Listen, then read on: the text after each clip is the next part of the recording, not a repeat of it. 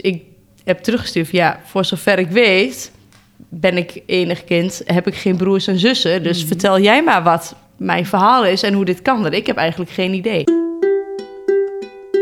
Ik ben Jelmer. Ik ben Jul. Sinds kort weten we dat we halfzus en broer zijn. We zijn donorkinderen van gynaecoloog Jan Wildschut, die in de jaren 80 en 90 zijn eigen zaad gebruikte bij vruchtbaarheidsbehandelingen. We hebben inmiddels meer dan 50 halfbroers en zussen. Samen stappen we in de auto, op de fiets of in de trein en gaan we op bezoek bij leden van onze nieuwe familie. Sommige kennen we al een beetje, andere zien we voor het eerst in ons leven. Aan hun keukentafels gaan we met hen in gesprek. Wat heeft donorkind zijn voor invloed gehad op je kindertijd? Hoe doe je dat? Opeens deel uitmaken van zo'n enorme groep halfbroers en zussen. Wat betekent het als de maatschappij jouw ontstaan afdoet als een schandaal? En was het dat eigenlijk wel? Dit is DNA-zaten. We zijn bij Tanita. Ja, Heel leuk dat we bij jou aan de keukentafel eh, mogen zitten. Eh, Tanita, kun je een beetje schetsen eh, wat de omgeving hier is? Oh ja. Eh, nou, we zitten eh, bij ons aan de keukentafel. We hebben net, eh, ik heb net mijn kinderen naar bed gebracht. het was hier één grote chaos tijdens het eten. En nu is het heel lekker rustig. Want volgens mij slapen ze. Maar wel heel lief, wij zeggen, wij mochten gewoon bij jullie aanschuiven. Er was gewoon pizza voor ons gehaald. En Ja. dat was echt he- heerlijk om, dat, Ja, om zo welkom te zijn. Is een En- goed begin. Ja. Eh, maar heel leuk dat je met ons in eh, gesprek wil. ja. Eh, we beginnen altijd eh, met de vraag: wat heb je meegenomen? Eh, wat eh, een, een voorwerp of een, een, een, een, een foto of een eh, verhaal, wat dan ook, wat voor jou symbool staat voor wat wij of wat je hebt meegemaakt. Ja, nou, ik was op, eigenlijk op zoek naar mijn eh MyHeritage eh, test, maar die kon ik niet vinden. Dus ik heb iets eh, nog beters uitgezocht. ik heb een foto uit, ik denk dat ik eh, acht of negen was, groep vijf. En ehm daar sta ik op, samen met Ja. Marije en twee anderen eh, uit de groep, twee zussen, die staan er ook op. Dus dat, eh, dat wij, we kennen elkaar dus eigenlijk al ons hele leven. Mhm. En we weten nu sinds kort dat we ook allemaal halfzussen van elkaar zijn. Dus ik vond dit wel een hele bijzondere foto. Mhm. Ja. En jullie zaten bij elkaar op school? Of? Ehm, ja, de, niet allemaal, Marije niet. Marije zat niet bij mij op school. Marije is een eh, dochter van de beste vriendin van mijn moeder. Mm. Dus Marije was de dag nadat ik werd geboren, was Marije al bij mij op kraambezoek. Toen Marije één was. Het is zo Langer dicht bij- kan je elkaar niet kennen. Nee, zo dicht bij elkaar staan we. En de andere twee zaten, eh, die woonden dus een ki- kilometer afstand. En die ken ik, wij fietsen altijd samen naar school. Eentje zat een klas hoger en de ander zat een klas lager. En ehm, ja, dus die kennen we eigenlijk ook heel, ken ik ook heel goed eigenlijk. Ja, dus, ja, dat, eh, ja. dus ik ben al mijn fotoboeken gaan eh, doorzoeken. En ik denk, er moet vast ergens een foto zijn waar we alle vier op staan. En waar Het is, eh, ja, het is een hele vage foto. We staan er heel gek op, maar het is gelukt. het is toch bizar om te bedenken Ja. dat wat, de, wat de fotograaf op dat moment op de foto zette. Ja, heel, heel Ja, gek. dat had Ja. je niet kunnen Nou ja, en we zijn wel vaker wel bij mij thuis geweest vroeger. Dat ehm Marije en die andere twee ook bij mij kwamen. Ja. Dus dat is, Ja. ja, dat is echt eh, heel gek. Met de kennis van nu. Met de kennis van nu is dat heel gek. Terug. Ja, Ja. ja. snap ik. Ja, dus dat, ehm, ja, dat heb ik meegenomen. Misschien is dit wel een mooi moment dat we dan beginnen aan het verhaal Ja, van jou. het begin van mijn eh, verhaal. Ja, precies. Ja. Dat is mm, niet een meest standaard verhaal. Nee, nee, ik wist dus niet dat ik een eh donorkind was, totdat ik een eh MyHeritage eh, DNA-test heb gedaan. Ik heb donkere ogen en ik heb donker haar. Ik denk, laat eens even zien wat mijn etniciteit is. Oh ja. En toen kreeg ik de uitslag. Ja, er zijn matches en dit is je, tant, of je tante of halfzus.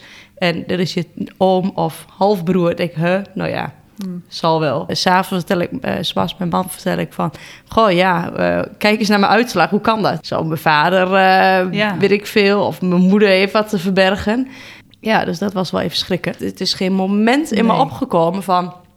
Misschien is dit de uitslag echt, echt niet. Nee, Ik dacht, wist misschien wel- vind ik een verre neef in Australië, maar Nee, het, ging, het ging me vooral echt om de etniciteit. toen kreeg je de uitslag, toen had je ineens een heleboel halfbroers Het had ik, ja, ik was nummer eh, de 12 of 13 of zo. Ik, ik heb geen idee. En eh, toen kreeg ik eh, s s'avonds een berichtje van eh, Gerrit. En Mhm. eh, ja, we zijn aan elkaar gematcht. En wat is jouw verhaal? Dus ik heb teruggestuurd, ja, voor zover ik weet... ben ik enig kind, heb ik geen broers en zussen. Dus Mhm. vertel jij maar wat mijn verhaal is en hoe dit kan. Want ik heb eigenlijk geen idee. En toen heb ik ook een dag later pas mijn ouders gebeld. En die zeiden echt aan de telefoon... "Oh, ze weet het. Oké. Echt ook letterlijk die Ja, zin? ze, ze weet het, ja. En ehm, ze hebben jeetje. nou heel lang... Mijn vader die zei van... eh, het valt me mee dat je er niet eerder achter bent gekomen. Dat je dat nu pas eh, beseft. En eh, mijn moeder die eh, wilde het eigenlijk... Ja, ehm, dit mag niemand weten. En we houden het klein. En dit is eh, tussen ons. Ik vond het ook weer heel spannend... om dan contact met jullie te zoeken. En ik denk, heb ik daar behoefte aan? Ja of nee? Ik wist het eigenlijk niet zo goed. Alleen toen zaten we dus net voor de publicatie. Ja. En toen zei Gerrit, ja, er komt dus een publicatie aan. En daarin wordt bekendgemaakt wie de donor is. En ik wil niet dat jij dat in de krant Hmm. leest. Ik heb het toen ook eigenlijk alleen maar aan mijn schoonouders verteld... en aan mijn schoonzus en zwager. Mhm. Voor de rest wist niemand het ook. Maar op een gegeven moment dan hoor je ook al die, die, die dingen van... eh, bijvoorbeeld... ehm, alle, de andere gynaecologen hoor je in het nieuws en daar praten mensen over en dan zit je daar. Ja, ik eh, ben daar ook, eh, ik hoor ook eh, Mhm, bij zo'n groep. Ja, Ja. dan is het wel heel vervelend om je mond dicht te houden. Ja, En eigenlijk had ik, wilde ik eigenlijk wel gewoon daar ja, voor uitkomen. Ja. Ja. Dus toen eh Gerrit me een beetje overhaalde om toch eh, dat eh, contact te nemen met de groepen, dat was achteraf heel goed. Heb ik het tegen mijn moeder gezegd van, nou weet je, ik ga het ook gewoon aan mensen vertellen. En ondertussen weet eigenlijk de hele familie, bijna iedereen weet het nu wel. Dus dat is eigenlijk wel heel, eh, heel prettig. En waar- hoe waren de reacties? Ja, nou iedereen die eh, schrikt natuurlijk heel erg. Ja. En, ehm, maar goed, ik ben er zelf al aan gewend. En ik ben heel blij met wie ik ben. En ik heb geen problemen met mezelf en met de situatie. Dus eigenlijk moeten, ja, hebben andere mensen daar ook geen problemen mee. Ik kan me ergens eh, voorstellen, maar het lijkt me toch ook als je nog een stap terugzet, eh dat je misschien heb je ook ergens gedacht op een bepaald moment, oh, ik had het misschien ook wel niet willen weten. Nou, nee, ik ben heel blij dat ik het weet. Hm. Echt, ja. Want ehm, ik vind jullie allemaal al een ontzettende toevoeging. Ik ben altijd alleen geweest. Ik heb een hele grote schoonfamilie. Ik ben enig kind, ja. Met mijn eigen familie hebben we nou ja, wel wat contact. Maar weet je, met nu ehm, heb ik gewoon een hele grote groep mensen die wel altijd bij me horen. Mm. En dat vind ik echt heel fijn. Het is net, het- nee, ik heb echt, ik ben heel blij dat ik het weet. Ja. En ook om eh, bepaalde dingen van jezelf gewoon een plekje te geven. Je weet gewoon wie je bent. Ja. En ik lijk natuurlijk niet op mijn vader. En dat is ook niet erg. Maar dat, nou snap, nu snap je ook waarom. Ja. Ja. Ja. Waarom dat zo is. En ik heb nooit het gevoel gehad van... Goh, mijn vader is niet mijn vader. Want daar heb ik nooit over nagedacht. Maar nu achteraf denk je van... Ja, weet je, dat, is, dat klopt wel nu. Ja. Dus nu, nu... kan je eh, verschillen die er zijn. ja, wel en ook eh, omdat ik natuurlijk ook kinderen heb, vind ik het echt wel heel belangrijk dat ik het gewoon weet. Ja. En ook voor dat, het, dat, dat zij dat later ook gewoon weten. Mhm. Want wij zijn nu met 50 plus. Als die allemaal kinderen krijgen, nou, dan zit je over de nog 150 tot 200 kinderen Ja. die allemaal geen relatie met elkaar mogen Nee, krijgen. nee, nee, dat zeker is wel eh, een dingetje. Je moet een DNA DNA-testje doen voordat ze met elkaar naar bed eh, Ja. gaan. Ehm, en want jouw ouders die, die zijn dus destijds naar dokter Wildschut gegaan... omdat ze Ja. geen kinderen konden krijgen. Die hebben gekozen voor een behandeling met donorzaad. Ja. Dus zij hebben jouw hele leven geweten... dat jij van een andere biologische vader bent. Ja. Was je boos dat je er zelf achter moest komen? Nou, nee, ja, nee, ik was niet boos. Hm. Ik, kijk, hoe langer je een geheim met je meedraagt, hoe moeilijker het is om het te vertellen en hoe groter de drempel wordt. En de, de band met mijn ouders is gewoon heel goed. Dus dat, ja, Weet je Dat- of ze ooit ja. van plan waren om het je te vertellen? mijn moeder zegt, ik had het al veel eerder willen, vertel, willen vertellen, maar ik wist niet hoe ik het moest doen. En mijn moeder is al die tijd heel bang geweest dat ze bijvoorbeeld eh, zou gaan dementeren en het dan per ongeluk zou vertellen. Oh, Dat ik het op die manier zou ja. weten. Maar ik, ik, ik denk het eigenlijk niet dat ze het me zouden vertellen. Maar dan was ik er misschien alsnog wel weer achter gekomen. Eventueel Ja. via Marije of via die Ja. andere. Dan was ik er misschien Ja. nog wel achter gekomen. En heel vaak is de kwestie, ga je het je kind vertellen, ja of nee? Ja. Maar daarbij vergeten we soms dat, dat de, de, het is niet altijd maar een keuze. Ook als je ervoor kiest om het niet te vertellen, kun je, kan je kind er gewoon nog achter komen. Ja. Er zijn Ja. verschillende Ja. manieren. En jouw, jouw verhaal is daar een voorbeeld Ja. van. Mm. Ja. Dat is ook wel een van de redenen dat ik het eigenlijk best wel nu al aan mijn kinderen moet en wil gaan uitleggen. Mhm. Ik weet alleen even niet hoe. Maar dat het ge- geen eh, taboe was. Hier is vast nog geen kinderboek over geschreven. Of zo, met plaatjes, Nee, nou weet je eh, dat ik daar heel erg behoefte Ja. aan heb? Oh, dus nou. echt, echt, ja. Eigenlijk raden ze aan om dat al te vertellen vanaf een jaar of vier, vijf, dat ze gewoon niet beter weten. Ja. Dus Ja. dat, eh, maar ja, dan zit je ook weer met wat loyaliteitsgevoelens tegenover mijn vader. En hoe Ja. je dat? is wel is lastig. Ja, ja dat Zeker. Vind ik heel lastig. Ja, ja. Waren je kinderen er al toen je het wist? Toen je Ja, het hoorde? twee waren er al. Ja, Mhm. en die derde nog niet. Maar de eerste twee waren er al. Ja, En dat is ook heel deed, gek. ja, deed dat iets met hoe je naar ze keek? Ja, mijn oudste die heeft dus een lui oog. En dan Mm. vragen ze, zit het in de familie? Ja. Ja, niet, eh, ehm, niet dat ik weet, maar dat zit dus wel in de, aan de. Dat zit- ja. die hebben Ja. dus, ja. Dus, en eh, daarom ben ik dus wel, dat is ook echt de reden dat ik heel fijn vind dat ik het wel weet. Ja. Dus ik heb mijn moeder ook wel gezegd van, ja, ik had het eigenlijk wel willen weten voordat ik, eh, ja, toen ik zwanger was. Dat ik Ja. het me eigenlijk wel Ja. moeten vertellen. Maar goed, weet je, het is niet, eh, het is zoals het is. Het is zo gegaan. En Ja, en je Ja. kan ergens Ik ook heb- dus wel goed begrip opbrengen voor het feit dat zij eh, op Niet het hart werd gedrukt van vertel het aan niemand. Ja, En, ja, en echt wel jaar wel bezig tien jaar ja. geduurd voordat, ik, voordat mijn moeder zwanger was. Kijk, en dan heb je ook, ja, ook wel ergens een beetje een, nou ja, een klein trauma aan vastzit. tien heel verdrietige Hele, jaren ja, hele nare jaren. Ja. Dus dan kan ik me ook voorstellen dat je dat gewoon wel weer vergeet. Ja. Bij wijze van wil vergeten. Ja. Ja. Dat, Nu, ik kan me voorstellen, je hebt nu opeens een, een, een schat aan informatie. Want Ja. er zijn eh, gewoon tientallen mensen aan wie Ja. je tegelijkertijd de vraag kan stellen... jongens, hoe zit dat bij, jullie? Hebben jullie kinderen? Zijn er luie ogen? ja. Is dat fijn? Is dat prettig? Ja, vind ik wel handig. Maar ja, aan de andere kant, weet je, wat je in de groep gooit, dat eh, zit er. Want we zijn met zo'n Ja, grote groep. Dus ik weet ook niet eh, in hoeverre dat nog betrouwbaar is. Nee, dat is misschien... Er altijd wel iemand. Er is altijd wel iemand heeft. die Ja. iets heeft. Ja. Ja. en ik heb zelf nog wel eens last van eh, eh, een beetje ja, hyperventileren, een beetje paniek en dat soort Mm. dingen. En dat zit ook heel eigenlijk wel Ja. in, de, in de groep. En dan, dat kon ik dus bij mijn eigen familie en bij mijn ouders Ja. helemaal. Die, die hebben dat gewoon niet. Nee. En nu denk ik van ja, weet je, ik kan er ook gewoon niks aan doen. Het Ja. is gewoon zo. En dat helpt het wel makkelijker om het te accepteren. Ja. Dat het zo is. Ja. Ja. En, Precies zo. ja. en ook dat we daar tips over kunnen uitwisselen en dat je een beetje steun hebt eh, aan elkaar. Ja. Dus dat is echt wel eh, heel fijn.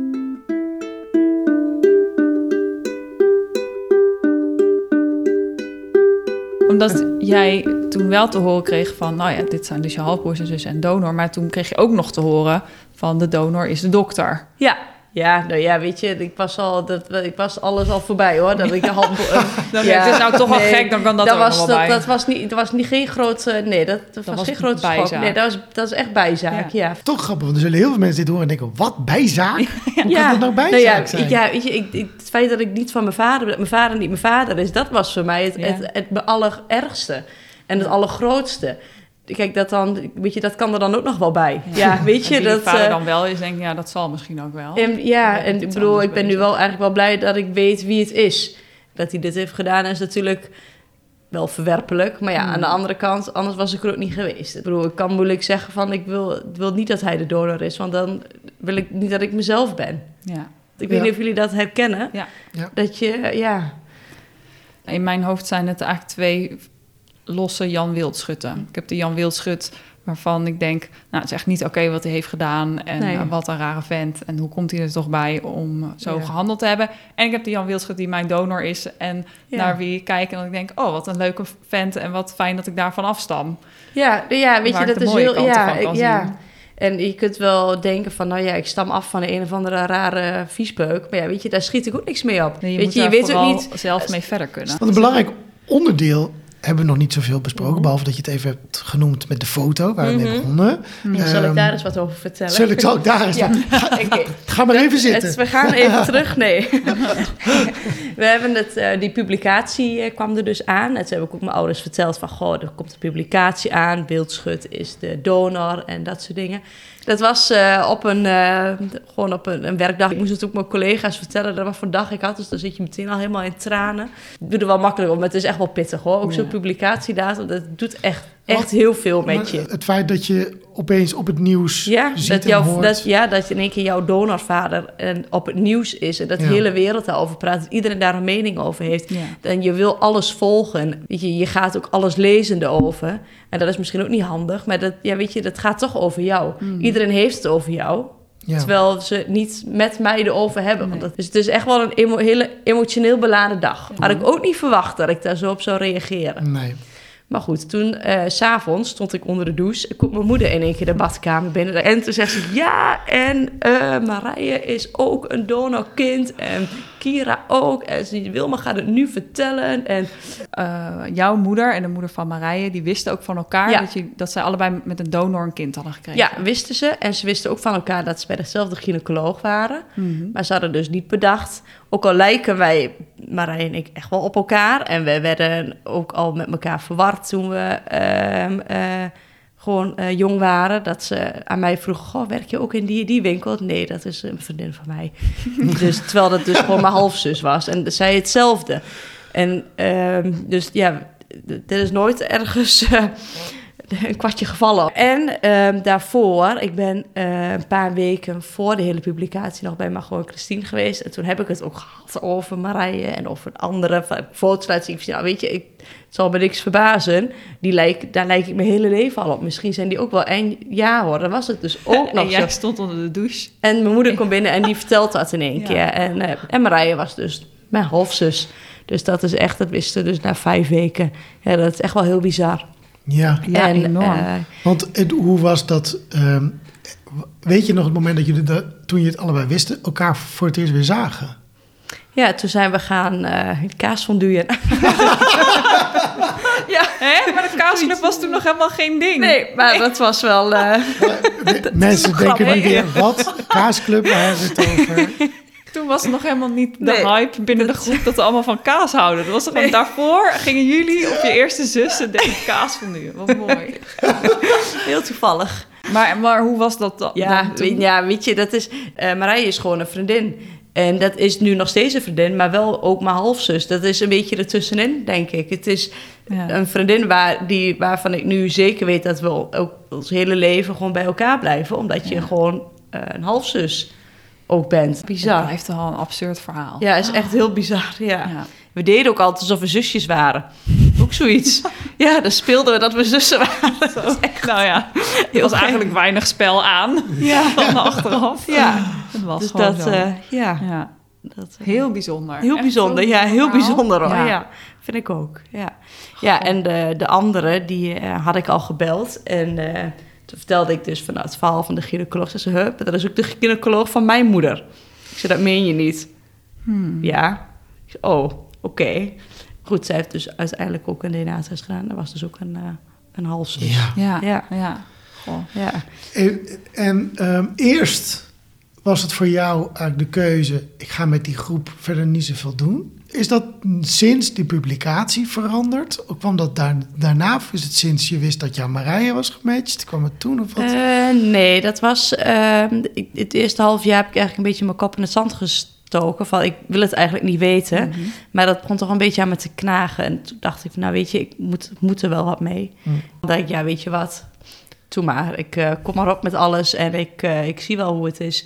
En dat is het wel het hele bijzondere, of het leuke aan de groep. Je kunt er, het is een beetje, ja, je kunt er gewoon voor kiezen om actief te zijn. Je kunt Mhm. ervoor kiezen om niet actief te zijn. Je kunt kiezen voor contact, je kunt Ja, kiezen voor geen contact. En het is eigenlijk altijd goed. Je kunt eh, zelf bepalen wat je leuk vindt en wat je niet leuk vindt. Want er zijn er toch genoeg. Precies. En als je het een keer niet leuk vindt, dan-. Ja, dan kom je gewoon niet en dan is het maar zo. Dan is er ook wel weer iemand anders die dan komt. Ja, zo ja. groot, als 10% komt, dan zijn we Nog met met z'n de vijven. Met z'n vijf. Ja, dat is helemaal niet zoveel. Nee. Als de helft komt, dan ben je nog met z'n 25. Ja. Ondertussen is het eh, bier eh, hier eh, op tafel verschenen. Ja. Veel dank daarvoor. Ja. Ja. Dus eh, proost. Proost. Proost, moeten we Proost. even klinken. Ja, lekker. Zo'n zo'n zo'n e- eerste biertje van, van de dag. Van, Van de dag. Dit, dit, dit staat erop, ja, shit. Maar wat vind jij het leuke van eh, zo'n eh, enorme groep? Weet, Ja, jij, weet je alle namen nog? Dat wordt wel lastig. Ja, denk voor ik. mij ook, hoor. Ja, wel zo goed als. Maar laatst zag ik weer en dan denk ik, oh ja, die hebben we ook nog. Ja. En Ja. ja, dus het, het wordt lastiger. Ik weet niet of ik ze allemaal zo, maar ik denk dat ik het wel aardig eh, ver kom. Want bij elke match ben je eigenlijk weer net zo nieuwsgierig van, goh, wie is het dit keer? Ja, En, ja, ja. eh, Wat wie- is, wat is dit verhaal? Wat is dit verhaal? En ja, bent, elke keer is het weer, is iemand wel welkom en ben je nieuwsgierig. En ook weer even nieuwsgierig. Ik weet niet of het, ja, per se heel leuk is, een grote groep, maar het is gewoon zoals het is. Ja, Ja. Weet je, daar verander je niks aan. Nee. En dat wordt nog wel veel meer. Ons hele leven krijgen we nieuwe matches Ja. waarschijnlijk. Ik, ben, ik, ik denk dat als ik dat er wel meer dan 100 zijn. Dat moet haast wel. Ja, ja, daar ga je Nee, vanuit? daar ga ik wel vanuit, ja. Mhm. Heel veel mensen van deze groep zijn er toevallig achtergekomen. Ja. Waarbij de ouders het niet weten. Niemand weet hoeveel donorkinderen er zijn in Nederland. En er zijn grove schattingen dat Ja. 1 op de 10 van de donorkinderen Ja. het weet. Daar ga ik wel vanuit, eigenlijk. Veel meer Ik vertrouw iedereen die een beetje op mij lijkt, vertrouw ik niet hoor. vertrouwt het niet nee, meer? nee, nee, nee, nee, nee, nee. vertrouw je juist wel, Ik heb het eh, je. ja, drie keer meegemaakt. Nee, ik vertrouw het niet meer. Nee. ik, eh,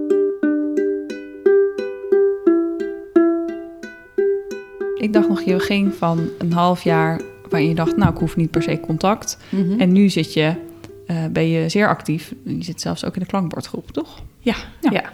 ja. het was eigenlijk puur uit nieuwsgierigheid. Maar dan blijf ik een beetje hangen. Hoe zou, hoe Ja. zou je de klankbordgroep omschrijven voor iemand die denkt, wat? Ehm, ja, dat is, eh, we zijn eigenlijk een groepje eh, proberen. Een groepje mensen die een beetje de groep eh, afspiegelen. Er zitten wat ouders in. En ehm, kinderen, donorkinderen uit KID, maar ook donorkinderen uit KIE. Ja, wil je daar meer over horen? Luister even de, de explainer die wij hebben opgenomen aan het begin van deze podcastserie. Dan snap je alles Ja. over die, die afkortingen. Nou ja, in ieder geval proberen eh, ja, een beetje op te komen voor de belangen van onze groep tegenover het ISLA. En dan een beetje in samenspraak met het ISLA. En ook, eh, we zijn bezig met een informatiepakketje voor eh, onze kinderen, kinderen van donorkinderen, waar ze op moeten letten. En ehm, we hebben geprobeerd eh, ja, een beetje de nazorg te kaderen van waar is behoefte aan en wat kan het ziekenhuis bieden. En nou ja, dat we dat ook een beetje op, wel op een positieve manier kunnen samenwerken. Ja. Dat is wel een beetje de, de insteek. Dus dat Ja. je niet, eh, moet wel ja, constructief zijn, Ja, om het zo te zeggen. dat snap ik. Ik vind wel dat er veel veranderd is in die zin. Want het is ongeveer een jaar geleden, denk ik jou maar, dat jij en ik een mailtje opstelden naar Ina Kuper Ja. de- van de Raad van Bestuur van Isela. Met, nou, wij zouden het eigenlijk wel fijn vinden als Isela twee keer per jaar een ontmoeting organiseert. waar wij halfbroers en zussen kunnen ontmoeten. Zodat we dat niet Ja. zelf hoeven te organiseren. Ja. En ehm, toen was in eerste instantie het antwoord: nou, nee, eh, in principe niet. eh, waarom gaan we het doen? ja, eh, we willen wel één keer onze overlegruimte voor jullie beschikbaar stellen. Maar gaandeweg zijn ze eigenlijk steeds meer met ons in Ja. gesprek gegaan van wat heeft deze enorme groep mensen nou nodig. Ja. Ja. Ja, en ergens En- dacht ik ook van, mogen we daar nou zomaar om vragen dat ze dat voor ons gaan organiseren? Ja. Maar ja, wij zijn er inmiddels op aangewezen om een, heel, een hele locatie af te huren. Willen we Ja. elkaar met z'n allen ontmoeten? En die ontmoetingen zijn wel heel waardevol voor veel mensen. Ja. Ehm, Ook en ook voor soms- ouders. en ook voor ouders. Ja, want die, En ik ook. daarvoor hebben zijn er ook weer heel veel emoties en eh, verhalen. Ja. Dus dat, dat is wel dus heel belangrijk om dat soort bijeenkomsten te echt hebben. helpen Ja. om, eh, ja, Ja. om Ja. meer contact Ja. En wat ik ook heel mooi vind, is dat nu eh, ook door de klankbadgroep onze ouders ook meer onderling contact hebben. En dat kwam ook eigenlijk uit de enquête. We hebben een enquête gehouden over de nazorg. Dat ouders ook zeggen, ja, ik heb eigenlijk wel behoefte aan eh lotgenotencontact. Ja, ik zag volgens mij vorige week in de nieuwsbrief van Fiom dat Fiom dat nu ook gaat organiseren. Ja, voor ouders. Lotgenotencontact Heel voor moeders. moeders. Maar nog niet voor Ja, vaders. nee, dat vond ik heel Die dat opvallend. vond ik echt een gemis Ja. eigenlijk. Ja, Nou. vind ik Ik ook. dacht, hoezo die vaders die zijn kunnen toch ook behoefte hebben Ja, aan juist. vaders. ook, juist. Maar goed. Goed, misschien veranderen ze dat nog wel naar ouders. En dat was specifiek voor als de arts de, Ja, als de gynaecoloog de, De- donor de was. donor was. Ja, Ja. dat, lijkt me eh, dan ook zo mooi, want dat is een van de weinige eh, momenten dat er misschien wel contact zou komen tussen eh, mensen die eh, gelieerd zijn aan de groep donorkinderen van Jan Wildschut, maar ook mensen die aan Hmm. andere groepen landelijk zijn Ja. gelieerd. Ja. Want wij vragen ons best wel vaak af hoe zou het met die mensen zijn? En, ja. en we zijn best wel vaak dat we denken, oh, zij moeten het ook zwaar hebben of zij Ja. moeten ook met dezezelfde worsteling zitten. Zullen we verder naar de DNA-vragen? Kom maar op. De DNA-vragen eh, zijn een drietal vragen die jij moet beantwoorden. Welke vraag je krijgt is afhankelijk van welk balletje daar uit de bingo-molen komt eh, rollen. Oké. En eh, wat we doen met deze vragen is dat we een beetje op zoek gaan naar overeenkomsten en verschillen. Oftewel, wat zit in ons DNA en wat hebben we vanuit onze opvoeding meegekregen. Ja. Nou, daar eh, zijn de DNA-vragen een voorzetje van. Ja. Dan is aan jou de eer om eh, met de bingo-molen te draaien. En dan mag je mij vertellen welke nummer er op het balletje staat. Het is geworden nummer 68. Nummer 68. Wat is jouw talent? Oh, dat is natuurlijk wel een van de meest lastige vragen. Nou, weet ik niet. Misschien heb je wel heel veel talenten. Ik denk dat ik wel ehm, aardig goed empathisch vermogen heb, om het zo te zeggen. Hmm. Ja, dat vind ik altijd wel mijn sterke kant in mijn werk en in mijn persoonlijkheid. Wat, eh, Ja. wat, wat doe je voor werk? Ik ben fysiotherapeut in een verpleeghuis. Heb je ook nog Ja. eh, creatieve talenten? Eh, ja, dat is de groep heel goed in. Hè? Ja. Maar dat valt eigenlijk wel Valt tegen. bij jou tegen? Ja, Hm. nee, ik, ehm, ik heb wel veel dingen die ik heel leuk vind. Ik vind lezen leuk, ik vind gamen leuk, ik vind series kijken leuk. Ik vind eh, achter de naaimachine leuk, puzzels dat is maken leuk. Ja, maar daar ben ik niet zo heel goed in. Oh, ja, nee, ik ja. heb er nu ook geen tijd voor. Er zijn heel veel dingen die ik wel heel leuk vind. Maar echt, nee, ik ben niet goed in zingen. Ik kan geen eh, muziek maken. ik kan niet goed schilderen. dus nee, ik kan niet tekenen. Dus helaas, dat, Hmm. is, dat heb, ik, heb ik allemaal niet. Maar ik, ik las in een, in, in, in, een, in een introductie van jou in de Facebookgroep, las ik wel inderdaad het gamen eh, op de Nintendo, Ja, zag ik. ja, eh, en toen wel. dacht ik, dit is misschien wel goed om even een match te leggen. Want Tussen eh, jou of en Remco. tussen Ja, jou en Remco, ja, ja. want voor jou komt de aflevering met Remco, Ja. maar die heeft een bijzonder Ja, dat heb ik eh, Nintendo. gelezen, ja. Ik ben vooral, vind het gewoon leuk om te doen. En ik ben altijd op de Nintendo. En dan verder eh, Geinig. ik ga niet heel ver of heel diep, maar eh, ja. En wel- welk spel het liefst? Ja, Zelda. Zelda. Ja. Als het goed is, mei volgend jaar de nieuwe. Ik kan niet wachten. Echt Wat leuk. fantastisch. Cool. Wat ik wel, wat ik leuk vind aan jou, Tanita, ik moet altijd heel erg om jou lachen in de, Oh, ja. in de F-groep. Ik vind jou heel komisch. Ja? ja, dat vind ik echt opvallend vaak. Kom je met grappige gifjes. dus ik moet er altijd heel erg om Oh. gniffelen. Dat vind ik ook wat fijn. Grappig is dat. Ja. Ja. Dan hebben we toch in een paar minuten een hele hoop talenten. Hele hoop Toch talenten. wel, ja, ja. inderdaad. Nou, leuk. Gaan we door naar vraag nummer twee. 46.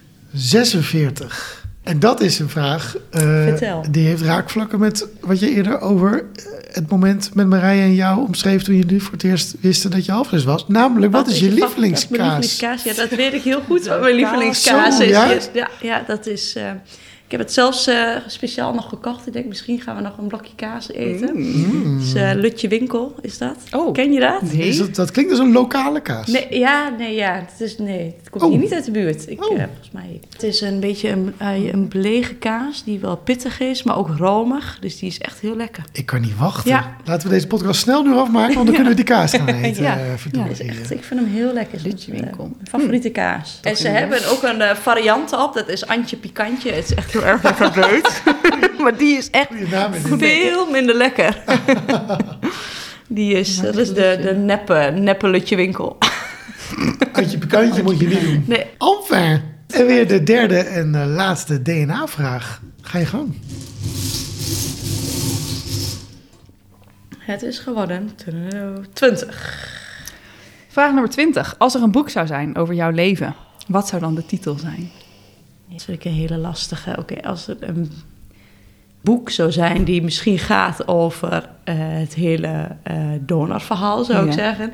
Vertrouw niemand die op je lijkt. misschien dat dat dat wel de, de strekking is.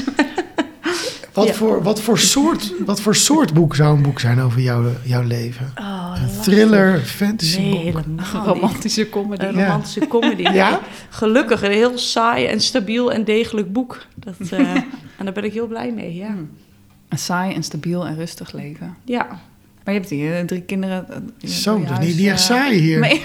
Jeetje. nee, maar ja dat, ja, dat klopt. Is ook niet heel saai. Dat is wat het leukste wat er is. Ja, het is een, een eh, Maar jij kan dan- levendige kippenhok. Je kan wel genieten dan dus van de kleine dingen, zeg maar, in het leven. Het hoeft niet heel groot. Nee, helemaal niet. Nee, dit, vooral als ik hier thuis ben met mijn kinderen, dan is het al... eh, ja, Dan ben je het dat is het allerbelangrijkste, ja. En Ja, hou, hou je van reizen? Eh, ja. Voordat wij kinderen kregen, zijn we met z'n- mijn man en ik met z'n tweeën op reis geweest.